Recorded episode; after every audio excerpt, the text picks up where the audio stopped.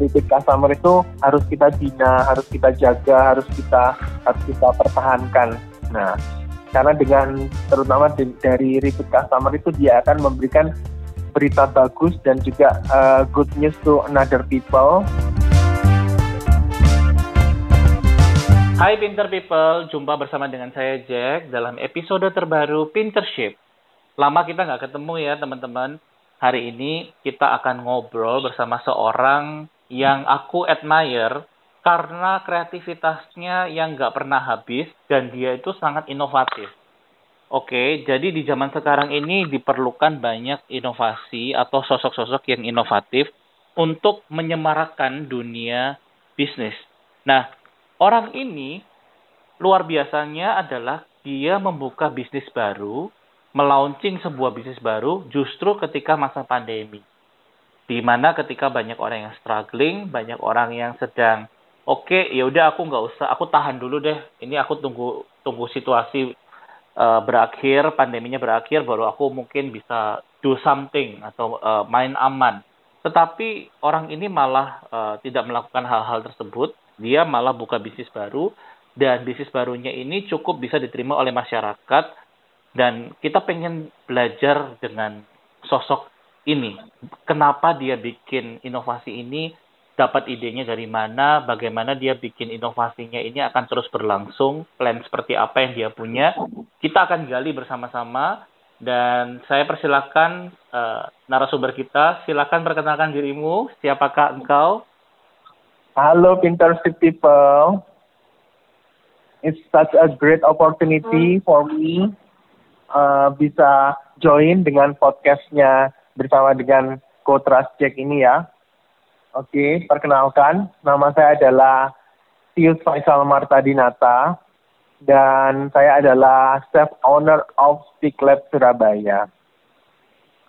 Wow, Pinter People, ini uh, sosok ini biasanya dipanggil sebagai Chef Tius. Ya, kalau kita lihat Instagramnya, Chef Tius ini uh, ada sebuah keterangan dia ini chef milenial. Nah, chef hmm. milenial ini nanti kita juga akan gali nih, kenapa kok disebut chef milenial ya? Karena ya pastinya dengan titel milenial Anda bisa menebak sendiri bahwa Chef Tius ini adalah generasi milenial ya tentunya masih muda, oke, okay, uh, berbakat, seorang businessman, dan masih single ya? Atau sudah punya calon nih, Justius?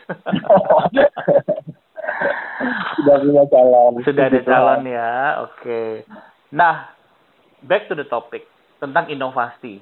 Ya, hari ini topik kita adalah inovasi tanpa basa-basi. Ya, ini judul inovasi tanpa basa-basi ini ada alasannya kenapa kita memilih topik ini dan ini sangat terkait juga dengan kepribadian Chef yang seorang introvert tetapi sangat aktif dan produktif untuk melakukan inovasi. Chef, inovasi yeah. sticklet itu seperti apa, Chef? Maksudnya awal mulanya bagaimana? Oke, okay. uh, eh, untuk sticklet sendiri, jadi dia itu sebenarnya adalah stick house, di mana kita menyajikan berbagai macam jenis stick dengan kualitas yang bagus tentunya dan juga dengan teknik-teknik yang unik. Nah, inovasi di sini yang kita lakukan adalah dari teknik pengolahannya mulai dari kita ada uh, teknik untuk namanya sufi, ada juga teknik aging, dan juga ada beberapa teknik-teknik seperti basting dan sedikit classic but it's French, a lot of uh, influence with French cooking teknik ya. Nah, di sini kita mengolah semua daging-daging tersebut dengan baik dan dengan teknik-teknik yang inovatif seperti itu, seperti sufi itu, jadi dia unik banget. Dia teknik di mana kita itu uh, keep it vacuum inside the plastic ya, plastic bag, lalu kita puki, uh, kita rebus dengan suhu yang cukup rendah, dia jadi di, di bawah titik didih. Itu akan memberikan juicy banget the texture of the meat dan juga memberikan nutrisi value yang lebih tinggi tentunya daripada uh, teknik-teknik masak yang sudah konvensional ya. So, itu dari segi pengolahan daging ya. Kalau yeah. misalnya dari segi penyajian, kita juga menyediakan untuk stick in a box. Jadi di masa pandemi ini kita memang mengarahkan untuk every people can enjoy the stick in anywhere ya. Jadi yes. dia bisa bisa enjoy the stick di rumah, di mobil atau misalnya lagi pas di kantor atau di mana pun. Karena memang masa-masa seperti ini kita tahu sendiri kita harus jaga jarak dan sebagainya. Itu sih. Dan I can guarantee to you bahwa kualitasnya meskipun inside the box dan bisa di take away atau di delivery is still very good. Wow. Jadi Pinter People dengar sendiri ya bagaimana Chef Tius menjelaskan secara teknikal. Mungkin aku nggak bisa mengerti benar-benar apa yang dia jelaskan, tetapi kita menangkap sebuah kesan bahwa Chef Tius ini sangat pay attention sama small details. Dan dia sangat menguasai bidangnya. Nah ini kok bisa? Orang untuk membuat inovasi itu kan harus menguasai dulu nih. Maksudnya basic atau aturan mainnya dulu. Jadi kita nggak yeah. mungkin bisa inovasi kalau kita nggak menguasai dasarnya dulu. Nah, mungkin Chef Tius bisa ceritain dulu. Orang mungkin belum kenal siapa sih Chef Tius, kok bisa dia bikin inovasi ini itu. Kok tadi Chef Tius bisa bikin sebuah cara penyajian yang unik atau membuat sebuah solusi di mana steak itu dibawa pulang di dalam box tapi ketika dimakan di rumah kualitasnya masih oke. Okay. Nah, ini kan something yang nggak biasa ya. Jadi orang tuh selalu bilang kalau makan steak dibawa pulang tuh pasti nggak enak. Nah, tapi Chef Tius malah mendobrak uh, stigma-stigma tersebut dengan inovasi yang uh, Chef deliver. Nah, uh, backgroundnya Chef ini seperti apa sih? Sudah berapa tahun jadi chef? Lalu awalnya uh, uh, di mana? Dan dengar-dengar Chef sempat jadi uh, asisten atau bekerja dalam tim seorang chef yang kualitasnya internasional. Nah, itu mungkin bisa diceritain, Chef. Bagaimana okay. asal mulanya Chef menjadi chef? Oke, okay. ya, yeah, thank you, thank you. Oke okay, ya, uh, jadi saya memang memulai uh, perjalanan atau journey saya di dunia kuliner ini saya sekolah kulineri tentunya di STB Bandung ya. Lalu saya lulus dan setelah saya lulus langsung saya terjun langsung ke dunia kitchen profesional di mana saya waktu itu di Mandarin Oriental Jakarta. Sekitar selama satu tahun di sana, saya lalu juga uh, take another opportunity to Kuala Lumpur. Di situ ada salah satu hotel yang very good untuk makanan dan untuk untuk restorannya dia salah satu yang paling the best di sana at Hotel Equatorial Hotel ya. Okay. Equatorial Hotel Kuala Lumpur. Dan setelah saya mengenyam ilmu lebih di situ, saya jumping to Dubai. Di Dubai, terus juga di Ritz-Carlton Grand Canal, and then di Qatar juga pernah. Dan akhirnya sekarang saya memberanikan diri untuk membuka stick house saya sendiri. Wow. Kalau untuk kalau untuk mentor-mentor saya juga jujur sih saya bersyukur banget. Saya punya banyak mentor-mentor yang hebat. Mulai dari chefnya dari orang Prancis, French people, dia juga pernah kerja mendapatkan bintang Michelin bintang 2, terus juga ada Singaporean chef, Chef Sam, itu juga dia very very talented and good mentor for me dan banyak lagi pokoknya banyak everyone is a good mentor for me ya di, di dalam dunia kuliner pada saat itu. Yes yes luar biasa Pinter People uh, background pengalaman dari Chef Tius. Tadi sempat mention men mentor yang punya two star Michelin ya. Itu chef siapa? Uh, Christian Antoine. Oh. Iya, waktu pas saya masih di Ritz Carlton. Oke, kalau nggak salah sempat dibahas juga ya di Instagramnya Seftius ya mengenai profil. Oh, iya. iya iya iya, saya juga follow Instagramnya Seftius. Thank you, thank you. Peter people bisa cek Instagramnya ya @seftius. Oke, di sana teman-teman bisa dapat banyak sekali tips-tips mengenai uh, cara mengolah uh, daging jadi sebuah menu. Bahkan juga nggak cuma terkait steak dan uh, menu daging ada juga tentang dessert dan lain sebagainya. Dan saya lihat konten-kontennya ini banyak sekali cara-cara yang unik ya. Salah satunya itu ada memasak ayam di dalam semangka. Bener ya? Koreksi oh, bro. Yes. Yes, yes, ya, yes, benar. Ini sesuatu yang kayak aduh ini out of the box banget sih gitu loh. Uh, kok bisa kepikiran seperti itu lalu bisa mengolah uh, beberapa bumbu-bumbu uh, atau material itu jadi sebuah hal yang unik juga. Dan memang Peter People kalau boleh saya cerita, uh, by the way ini kita nggak endorse Stick Lab ya. Jadi poinnya kita mau bahas sisi inovasinya, tapi apa yang saya ceritakan memang personal experience. Saya udah, udah tiga kali uh, datang ke Stick Lab ya. Dan setiap kali aku datang ke sana, aku selalu merasakan experience yang menyenangkan gitu ya. kalau dalam dunia branding itu ada namanya five sense branding. Jadi ketika kita datang ke Steak Lab, pertama konsepnya very casual. Jadi untuk koko-koko Surabaya, cici-cici Surabaya yang kadang-kadang uh, ber, apa kalau hangout itu suka pakai sandal jepit, celana pendek gitu kan. Itu bisa datang ke Steak Lab dan langsung makan steak di sana gitu loh. Kadang-kadang kita ya. tuh terintimidasi ketika mau makan steak itu ke restoran fine dining atau restoran yang uh, ya formal banget ya kita harus dress up ya tapi ya lagi-lagi inilah inovasi.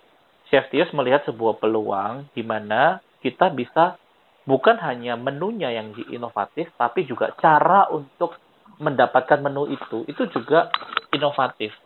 Nah inilah yang membuat orang-orang penasaran dan akhirnya uh, pengen mencoba ya stick lab. Termasuk aku juga. Yang pertama memang undangan. Uh, aku termasuk uh, orang yang beruntung juga diundang oleh Chef Tios untuk uh, coba ya menu barunya. Lalu uh, berikutnya kunjungan-kunjungan berikutnya itu pure memang kita ya sebagai konsumen biasa ya pengen makan steak dan uh, istri saya juga doyan banget uh, steak lab itu. Anyway, kita nggak lama-lama supaya kita nggak dituduh endorse ya. kita balik lagi ke topik bahwa topiknya sebenarnya inovasi tanpa basa-basi. Ya. Jadi hmm, topik ini kita pilih itu ada alasannya, pinter people. Kadangkala ketika kita mau membuat inovasi, ya kita itu sangat takut untuk gagal. Inovasi ini kita hanya ada di angan-angan, oke? Okay? Tetapi was kok nggak seperti itu ya. Maksudnya pertama, timing dia untuk memutuskan buka bisnis baru juga ya nggak biasa Oke, okay? ketika semua orang main aman, kalau bisa break dulu, safety malah buka. Nah, itu gimana sih pertimbangannya, Chef? Maksudnya apakah nggak ada ketakutan? Ini bisa jalan nggak ya? Apalagi yang safety tawarkan ini kan sesuatu yang mendobrak tradisi, mendobrak kebiasaan orang pada umumnya gitu loh. Apa yang ya. membuat yeah. safety ini berani gitu loh? Ya, oke. Okay. Uh, eh, tentu saja di masa pandemi ini memang memberikan banyak dampak ya, dampak dari berbagai segi, terutama juga tentu saja F&B bisnis juga kita salah satu bisnis yang terdampak, di mana banyak sekali bisnis-bisnis F&B itu yang collapse, yang down, atau misalnya dia bisa dibilang juga ada yang vakum sementara, nanti uh, akan menunggu atau melihat situasi aman dia bakal reopen or something else like that. Ya, tentu saja maka dari itu orang ini semua orang-orang pada uh, bingung jadi pada worried too much about everything terus karena kita juga makanan kan ya langsung berhubungan dengan bisa dibilang kesehatan. Nah, di saat-saat seperti itulah saya melihat opportunity bahwa kok banyak sekali ya teman-teman saya tuh uh, kenalan saya, tetangga, ke, uh, teman gereja dan lain sebagainya itu dia semua jual PO, open PO. Mereka semua mengolah makanan, terus mereka jualan, mereka uh, buka-buka PO atau resales dan something else.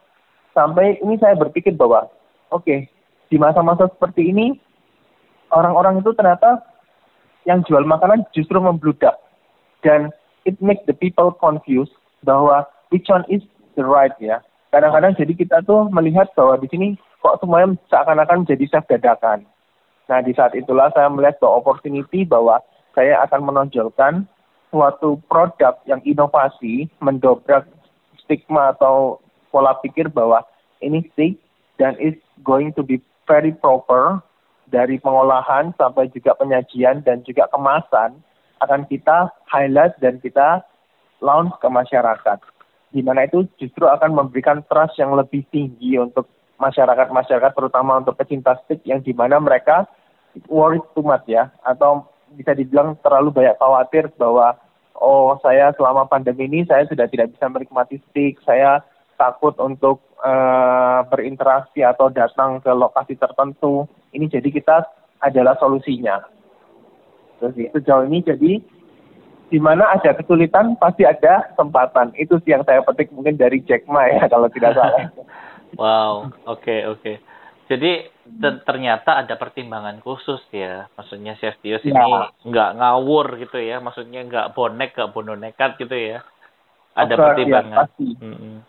Jadi kalau dengar dari penjelasan Cheftius, yang dia lakukan dia ada pertimbangan, dia coba riset juga, analisa-analisanya juga cukup tajam untuk menyesuaikan dengan kondisi yang terjadi, lalu dia yakin untuk untuk membuat inovasi ini. Tapi Ya. kalau boleh jujur, beneran nih chef, nggak ada keraguan sedikit pun. Maksudnya ada kegamangan, ini beneran bisa nggak ya? Atau sempat nggak kayak gitu? Oke, kalau jujur sih pasti semua bisnis itu pasti ada resikonya dan di mana itu pasti akan membuat kita kadang-kadang sedikit khawatir ya. Nah, Hmm. cuman rasa khawatir itulah yang harusnya kita atasi. Itu yang se- disebut sebagai mental mental juara kan ya. Kita Ya. eh, untuk, untuk masyarakat zaman-zaman saya, zaman-zaman milenial kita selalu dengar sering mental juara, mental juara, mental juara. Ya. Kalau zaman sekarang malah saya sering dengar mental tempe. Walaupun tempe ini juga salah satu inovasinya Chef Tio. nah itu.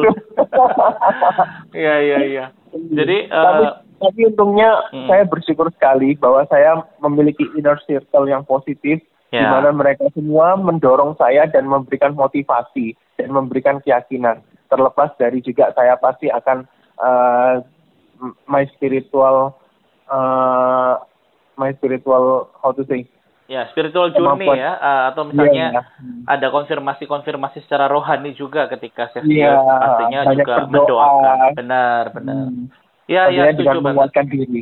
Ya Hmm, menguatkan diri. setuju banget bahwa ya kita ke dalam kehidupan tuh harus holistik ya. Kita ada dari sisi rohani dari sisi em, karakter atau mentalitas bahkan dari sisi eh, skill ya. Di mana Chef Iya. Tios ini eh, pertama tadi sempat mention ngomong tentang support system circle inner circle yang mendukung inner circle yang Iya. positif ya yang memberikan motivasi buat Chef Tios you can do it you can do it. They support you 100% benar seperti itu ya Yes, yes, yes, right. Berikutnya correct. adalah memang eh, kembali lagi analisa sudah ada, pertimbangan-pertimbangan sudah ditimbang-timbang. Support Ya. system, eh, skill, experience, ya. Dan terakhir keputusannya adalah eh, untuk make it happen itu dibutuhkan keberanian untuk mewujudkan apa yang sudah direncanakan, untuk make it happen, make it to reality.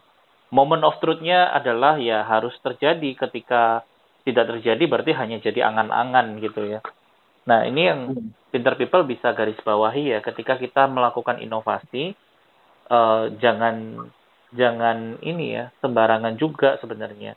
Memang benar di satu sisi kalau kita terlalu banyak pertimbangan dan akhirnya nggak make it happen, inovasi itu tidak terjadi.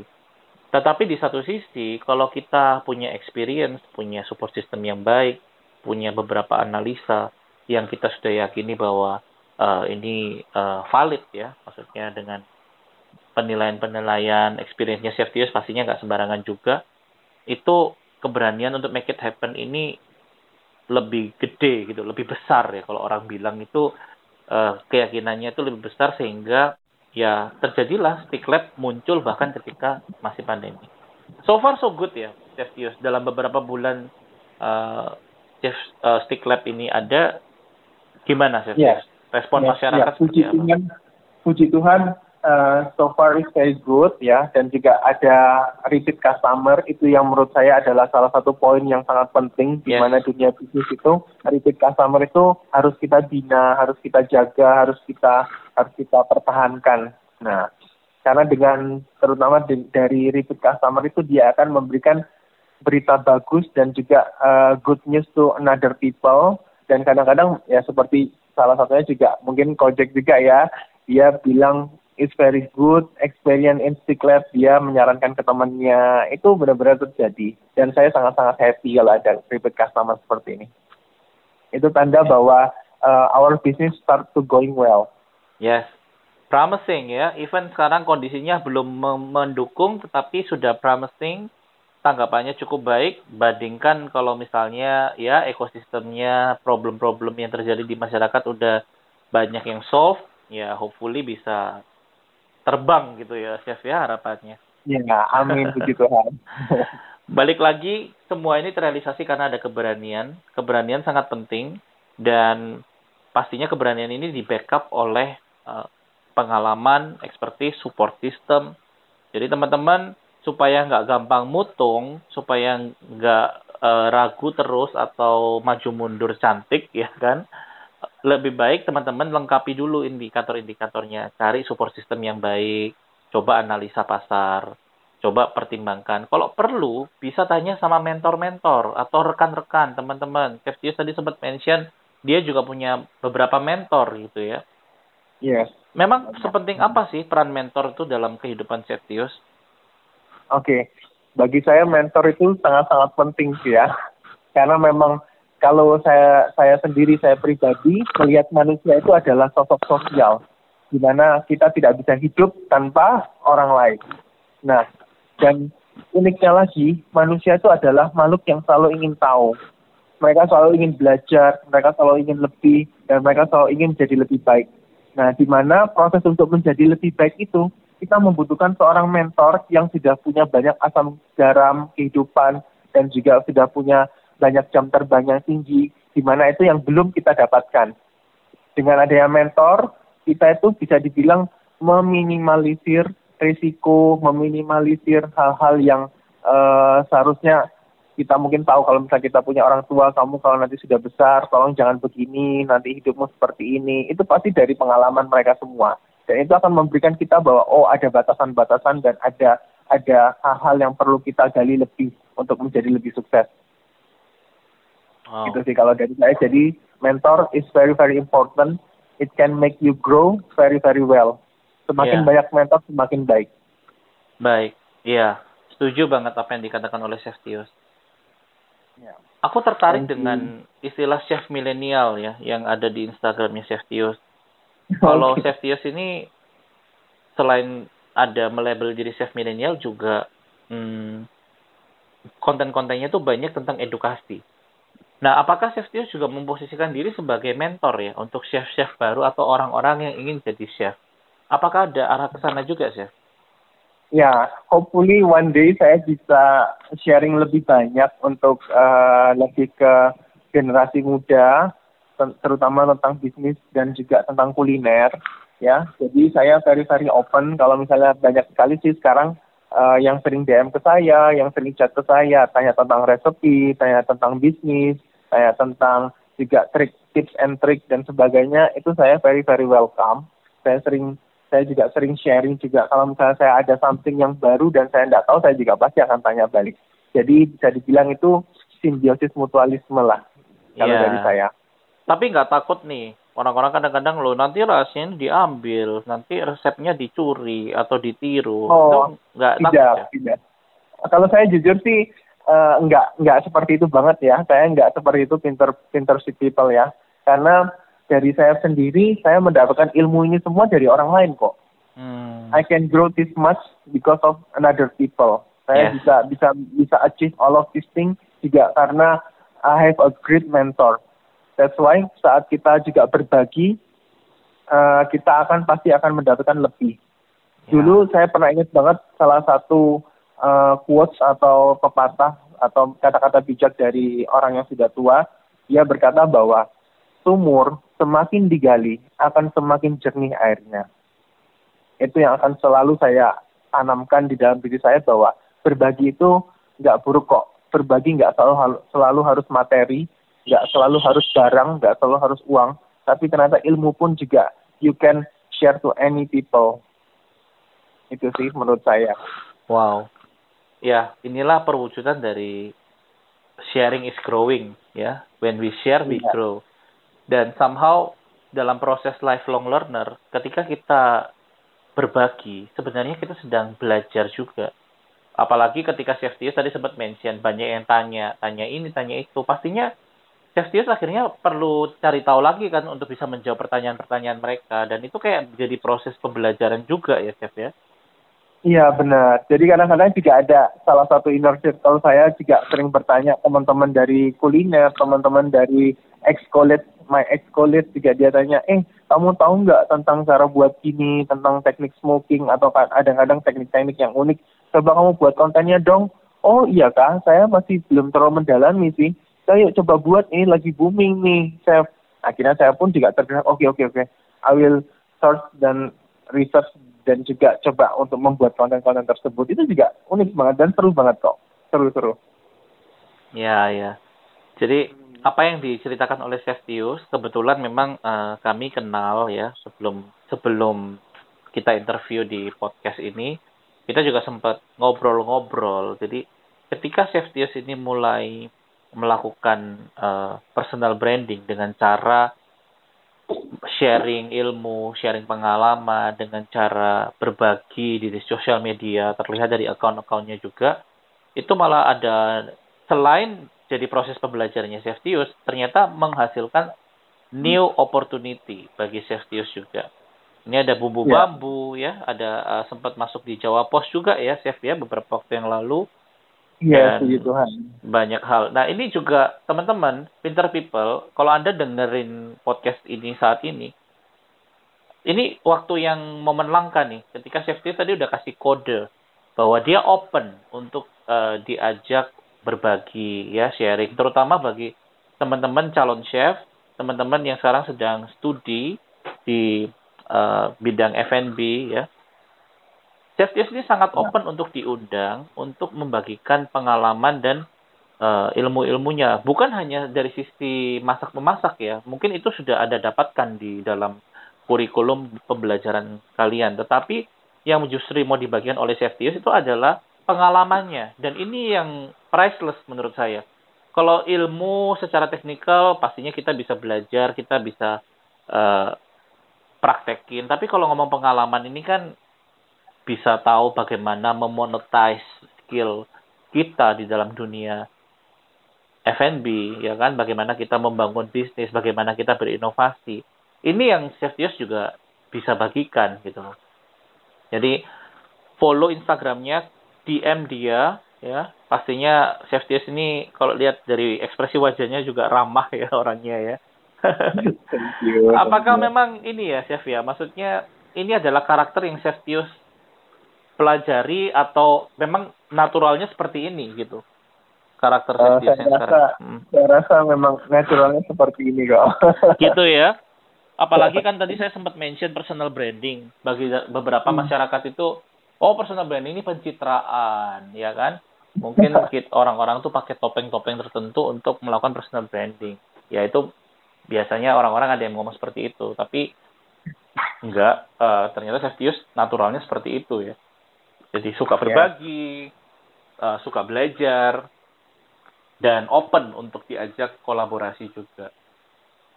Chef, yes. sekarang ini lagi rame nih terkait istilah introvert extrovert. Oke. Okay? Oh. Apalagi yeah. di dunia digital, di mana semua orang itu bisa self broadcasting. Semua orang sekarang lagi rame bikin vlog, mereka selfie selfie, kalau aku lihat Chef Tius ini sebenarnya seorang introvert atau ekstrovert? Kira-kira yang mana nih kalau dari menurut Koko sendiri ini? Iya, kalau sejauh sepengenalan saya, kalau lihat Chef Tius hmm. dan berteman dengan dia ini, Chef Tius sebenarnya orang seorang introvert. Sebenarnya saya juga introvert loh. Oh, Walaupun wow. kelihatannya okay. extrovert ya, karena tuntutan pekerjaan uh, harus jadi kayak seolah-olah ekstrovert. Tapi sebenarnya kalau normal mode uh, itu saya seorang introvert. Dan saya melihat Septius juga seorang introvert. Tetapi walaupun seorang introvert, Septius ini bisa mengekspresikan dirinya, mengekspresikan talentanya dengan karya-karya di dalam sosial media maupun karya di dalam bisnis berupa stick lab. Itu gimana ya. sih? Maksudnya ada trik dan tips nggak sih? Soalnya biasanya kalau orang bilang, wah kalau introvert tuh susah untuk berjejaring, susah untuk membangun hubungan dengan orang lain, susah untuk okay. mengekspresikan dirinya kepada uh, society, kepada masyarakat. Tapi Chef kok bisa? Apa sih rahasianya? Oke, okay. ya saya juga dulu pernah punya teman psikolog juga, dia masih kuliah sih waktu itu, dan dia juga sempat bilang kalau misalnya kelihatannya kamu ini lebih ke introvert, wow benar banget ya, Kojek ya. hebat hebat. Oke, okay. uh, eh, kalau dari saya sendiri, uh, saya pernah mem pernah mempelajari dan juga memang karena sering sharing juga sama teman-teman saya tentang apa itu introvert, apa itu extrovert. Jadi sebenarnya saya merasa bahwa introvert dan extrovert itu tidak ada yang salah. Yeah. Ya. uh, di mana uh, seorang yang introvert itu dia memberikan kekuatan tersendiri bagi jiwanya for their soul ya karena dia biasanya memang lebih mengumpulkan energi dan emosi dia pada saat mereka sedang menyendiri. Jadi bisa dibilang dia uh, mendapatkan energi yang banyak pada saat dia lagi menyendiri. Entah itu mungkin, maybe, benar atau salah saya tidak tahu ya. Kalau saya sendiri saya listening the music, mendengarkan lagu, membaca buku, membaca novel, ada juga yang menggambar, ada juga yang melukis dan lain sebagainya. Nah, di mana di sisi inilah saya merasa bahwa uh, ini menggali lebih banyak tentang kreativitas ya. Saya bisa menjadi lebih kreatif, saya bisa menjadi lebih uh, lebih banyak mendapatkan inovasi-inovasi atau pencerahan dan insight yang banyak pada saat-saat seperti ini. Pada saat saya menyendiri I going well ya. Saya saya bisa bisa menjadi lebih baik. Tapi ada juga kan kita tahu bahwa orang kalau mau ujian saya mau belajar pada saat dengerin musik yang kenceng musik yang musik yang rock musik yang sampai gedebam gedebum itu but hmm. nothing wrong nggak ada yang salah ya hmm. saya juga pernah pernah tahu kalau nggak salah ada kata-kata dari si Susan Guan dia itu juga um, juga orang yang uh, lebih mengerti tentang psikologi psikologi juga gitu dia juga bilang bahwa introvert itu dia mendapatkan energi pada saat dia menyendiri. Kebalikan dengan ekstrovert, dia justru mendapatkan energi yang lebih banyak pada saat dia di, di tengah keramaian. Jadi di mana di tengah keramaian dia menjadi wah terlihat benar-benar happy, dia terlihat benar-benar bersemangat, bisa bisa cuap-cuap dan sebagainya. So tidak ada masalah sama sekali dari saya dan saya juga merasa bahwa dengan dengan menyendiri terus saya bisa meningkatkan kreativitas dengan melukis. Saya senang melukis. Oh. Itu yang oh. membuat saya juga itu yang membuat yeah, saya yeah, juga yeah. akhirnya hmm. Senang berkompetisi jadinya. Saya yeah. juga sering ikut kompetisi kuliner pada saat saya masih masih kerja, saat saya masih di bagus sekolah juga pernah uh, cooking kuliner competition for internasional ya di salon kuliner dan sebagainya. Itu sih kalau dari saya ya dari segi me as an introvert. Mm -hmm. This is new. Aku baru tahu kalau chef bisa melukis juga ya. Tapi sekarang kelihatannya sudah jarang ini. iya iya iya. Jadi sudah jarang melukis, melukis di piring. Gitu ya. sekarang melukis di piring. Hmm. Personally, I say thank you untuk Chef Tius yang udah sharing ya very open ya Peter People kalau dengerin podcast ini. Chef Tius ini kalau cerita tuh apa adanya. Bahkan yang aku belajar bagaimana kesendirian itu bisa jadi ajang untuk kita itu eksplorasi ide. Jadi yeah. kesendirian ini kan biasanya sering dikonotasikan sebagai sebuah hal yang negatif ya. Kesepian, hmm. ya, self pity. Pastinya ya dalam kehidupan semua orang punya problem lah dan ketika introvert itu menyendiri itu biasanya diasosiasikan sebagai sesuatu yang negatif. Tapi aku belajar sesuatu dari Chef Tios bahwa pertama terimalah dirimu apa adanya. Kalau anda, anda seorang ekstrovert, anda seorang introvert, dalam hal ini kita bahas introvertnya. Kalau anda seorang pendengar leadership ini merasa dirimu, kenapa aku nggak bisa seperti temanku yang bisa mengekspresikan dirinya, kok rasanya temannya banyak, kok rasanya hidupnya happy happy ya kan, lihat Instagramnya Uh, terus aku kok nggak bisa kayak gitu, aku kok orangnya kaku atau pendiam atau aku itu teman-teman uh, ubah emosi negatif itu jadi sebuah motivasi. Dan aku lihat ini yang Chef Tius lakukan, benar ya Chef ya? Iya. Hmm. Chef Tius mengkonversi sebuah emosi yang negatif menjadi sebuah hal-hal yang produktif, yaitu kesendirian itu dipakai untuk eksplorasi ide. Berikutnya kesendirian itu juga banyak dipakai untuk charging ya self charging supaya dapat energi nah ini juga baru sih ya bagaimana ya. kita bisa dapat energi ketika kita bisa menyendiri terlebih dahulu lalu kita come, back with a bang ya dengan karya ya. dengan dengan segala macam wow it's so deep Chef maksudnya Thank you. Makanya ini topiknya inovasi tanpa basa-basi ya. Jadi Jeff ini orangnya tuh kayak low profile memang kayak mungkin teman-teman Pinter People masih asing ya dengan Chef Tius. Tapi aku percaya kok, one moment orang-orang akan banyak mengenal Seftius. Karena Seftius punya spirit untuk berbagi, open juga.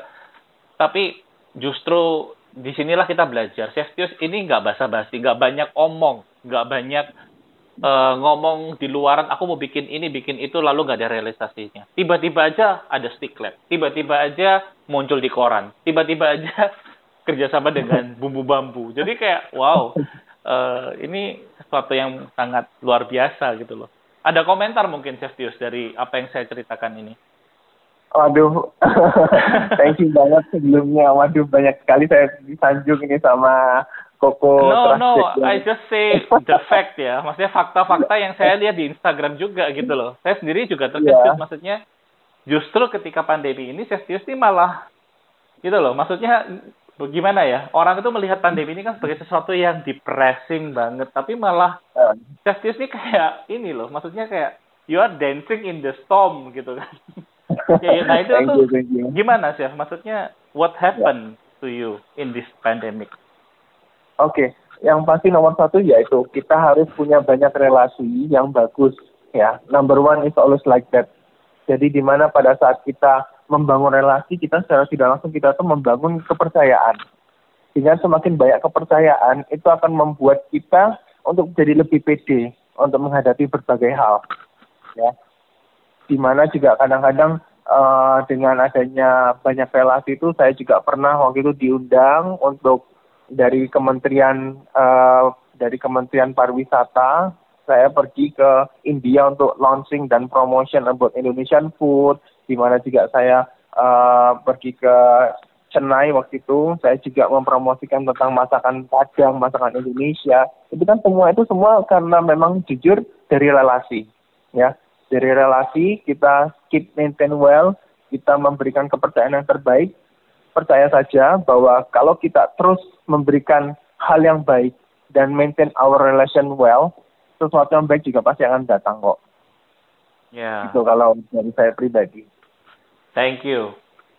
Chef, hmm. untuk menutup podcast kita kali ini, yes. tadi Chef sempat singgung mengenai support system, yaitu orang-orang dalam yang yang support gitu ya. Yeah. Um, coba sih, Chef misalnya mau katakan sesuatu sama mereka, ya nggak usah disebut namanya, tapi oh, okay. uh, kira-kira apa yang ingin Chef sampaikan kepada mereka? Mungkin bukan hanya sebagai template, oh ya thank you sudah dukung aku dan sebagainya, tapi mungkin sesuatu yang uh, bisa jadi or mentor, bisa jadi support system inner circle. Chef ya. itu uh, apa yang ingin chef katakan terhadap mereka, apa yang peranan mereka yang benar-benar bisa membuat chef itu terus memiliki motivasi untuk berkembang, terus untuk meraih hal-hal yang chef sudah mimpikan. Oke, okay, thank you, thank you, thank you for the kind opportunity ya, Ko. Yes. You're welcome. Dari saya dari saya pribadi, uh, saya benar-benar sangat-sangat thank you banget, very very thankful ya untuk semua orang-orang yang mengenal saya dan juga yang membimbing saya, yang membantu saya, yang selalu mendorong saya pada saat-saat saya mungkin tidak selalu dalam keadaan yang baik dan juga menerima saya apa adanya. Itu adalah sesuatu yang benar-benar berarti banget bagi saya pribadi karena tanpa mereka saya nggak akan sampai seperti ini. Tanpa tanpa mereka semua saya saya nggak mungkin bisa sampai uh, memberikan dampak yang lebih positif seperti ini.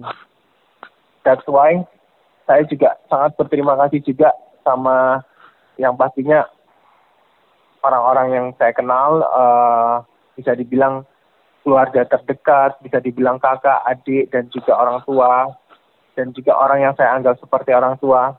I'm very very thankful dan terima kasih banget karena atas semua dorongan kalian itu saya bisa sampai sejauh ini. Dan juga saya tidak lupa berterima kasih kepada Tuhan pastinya. Ya, kenapa saya tanya pertanyaan ini? Mungkin ini agak klise ya, Mas. Wah, ini pertanyaannya kok kayak gini. Maksudnya apa ya? Nah, sebenarnya saya punya maksud, Chef. Ketika saya bertanya ini, uh, yeah. saya melihat Chef Tius ini orangnya very humble dan maksudnya uh, Chef dia selalu bilang ini saya bisa kayak gini karena ada mentor saya bisa kayak gitu karena saya didukung oleh kuat. Jadi chef nggak bilang, oh saya bisa kayak gini karena saya jago, saya jenius, saya punya banyak ide kreatif. Enggak seperti, tapi chef selalu kasih kredit tuh ke ke orang-orang yang support chef Tius gitu. Nah, padahal kalau kita lihat sendiri, ya memang chef Tius punya skill, punya punya talent gitu kan. Tapi ini adalah sebuah karakter yang diperlukan teman-teman ketika kita melakukan inovasi. Kenapa sih inovasi tanpa basa-basi? Kita perlu kerendahan hati dalam melakukan inovasi. Dan inilah yang dilakukan oleh Chef Tius. Ketika dia sangat rendah hati, dia itu bisa terima masukan dari orang lain. Benar ya, Chef ya? Ketika ya, kita inovasi itu kan bisa terjadi, bisa bagus, bisa sustain. Ketika kita itu bisa terima masukan dari orang-orang di sekitar kita. Kalau kita nggak bisa terima masukan, kita inovasi itu pasti nggak bisa sustain. Ini penutup yang akan kita uh, daratkan ya dalam pemikiran oh, ya. pinter people ya. ya. Benar ya chef ya. Ketika chef melakukan ya. inovasi ini kan dukungan orang-orang ini kan ada yang ngasih kritik, ada yang ngasih ngasih input. Nah kalau chef karakternya nggak nggak humble, aku yakin inovasi itu nggak akan sustain dan inovasi itu nggak akan terjadi. Apakah benar yang saya katakan ini chef? Ya, sejauh ini sih benar banget, benar-benar banget itu project. Thank you, thank you. Ya, jadi kita mau wrap up ya, Pinter People. Yang pertama, inovasi itu bisa dilakukan kalau ada keberanian. Dan keberanian itu harus dilandasi oleh fondasi. Kita harus punya skill, punya support system, punya pengalaman, punya analisa atau riset. Ini yang Chef lakukan ya. Dan yang terakhir adalah karakter di mana kita harus jadi pribadi yang rendah hati. Entah kamu ekstrovert atau introvert, tetap kita semua bisa rendah hati.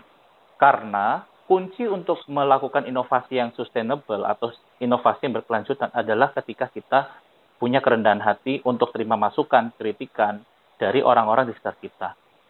Itu yang aku belajar dari Chef Jadi thank you Chef, luar biasa. Saya juga banyak belajar dari Coach Jack. Saya juga ini salah satu teman sharing saya nih, Pinter People.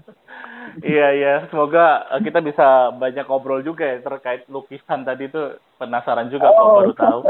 Tapi uh, aku hanya menyimpulkan kok Chef. Maksudnya tadi aku katakan itu ya dari apa yang Chef ceritakan, aku menyimpulkan dan ternyata dikonfirmasi seperti itulah yang bisa dilakukan. Pinter people, semangat, terus semangat. Apa pun keadaannya harus tetap positif seperti Chef Tius. Kita bisa tetap berkarya, bisa cari orang-orang yang positif di sekeliling kita untuk kita saling menginspirasi, saling mengisi. Thank you Pinter People, sampai jumpa di episode berikutnya. Bye. Thank you.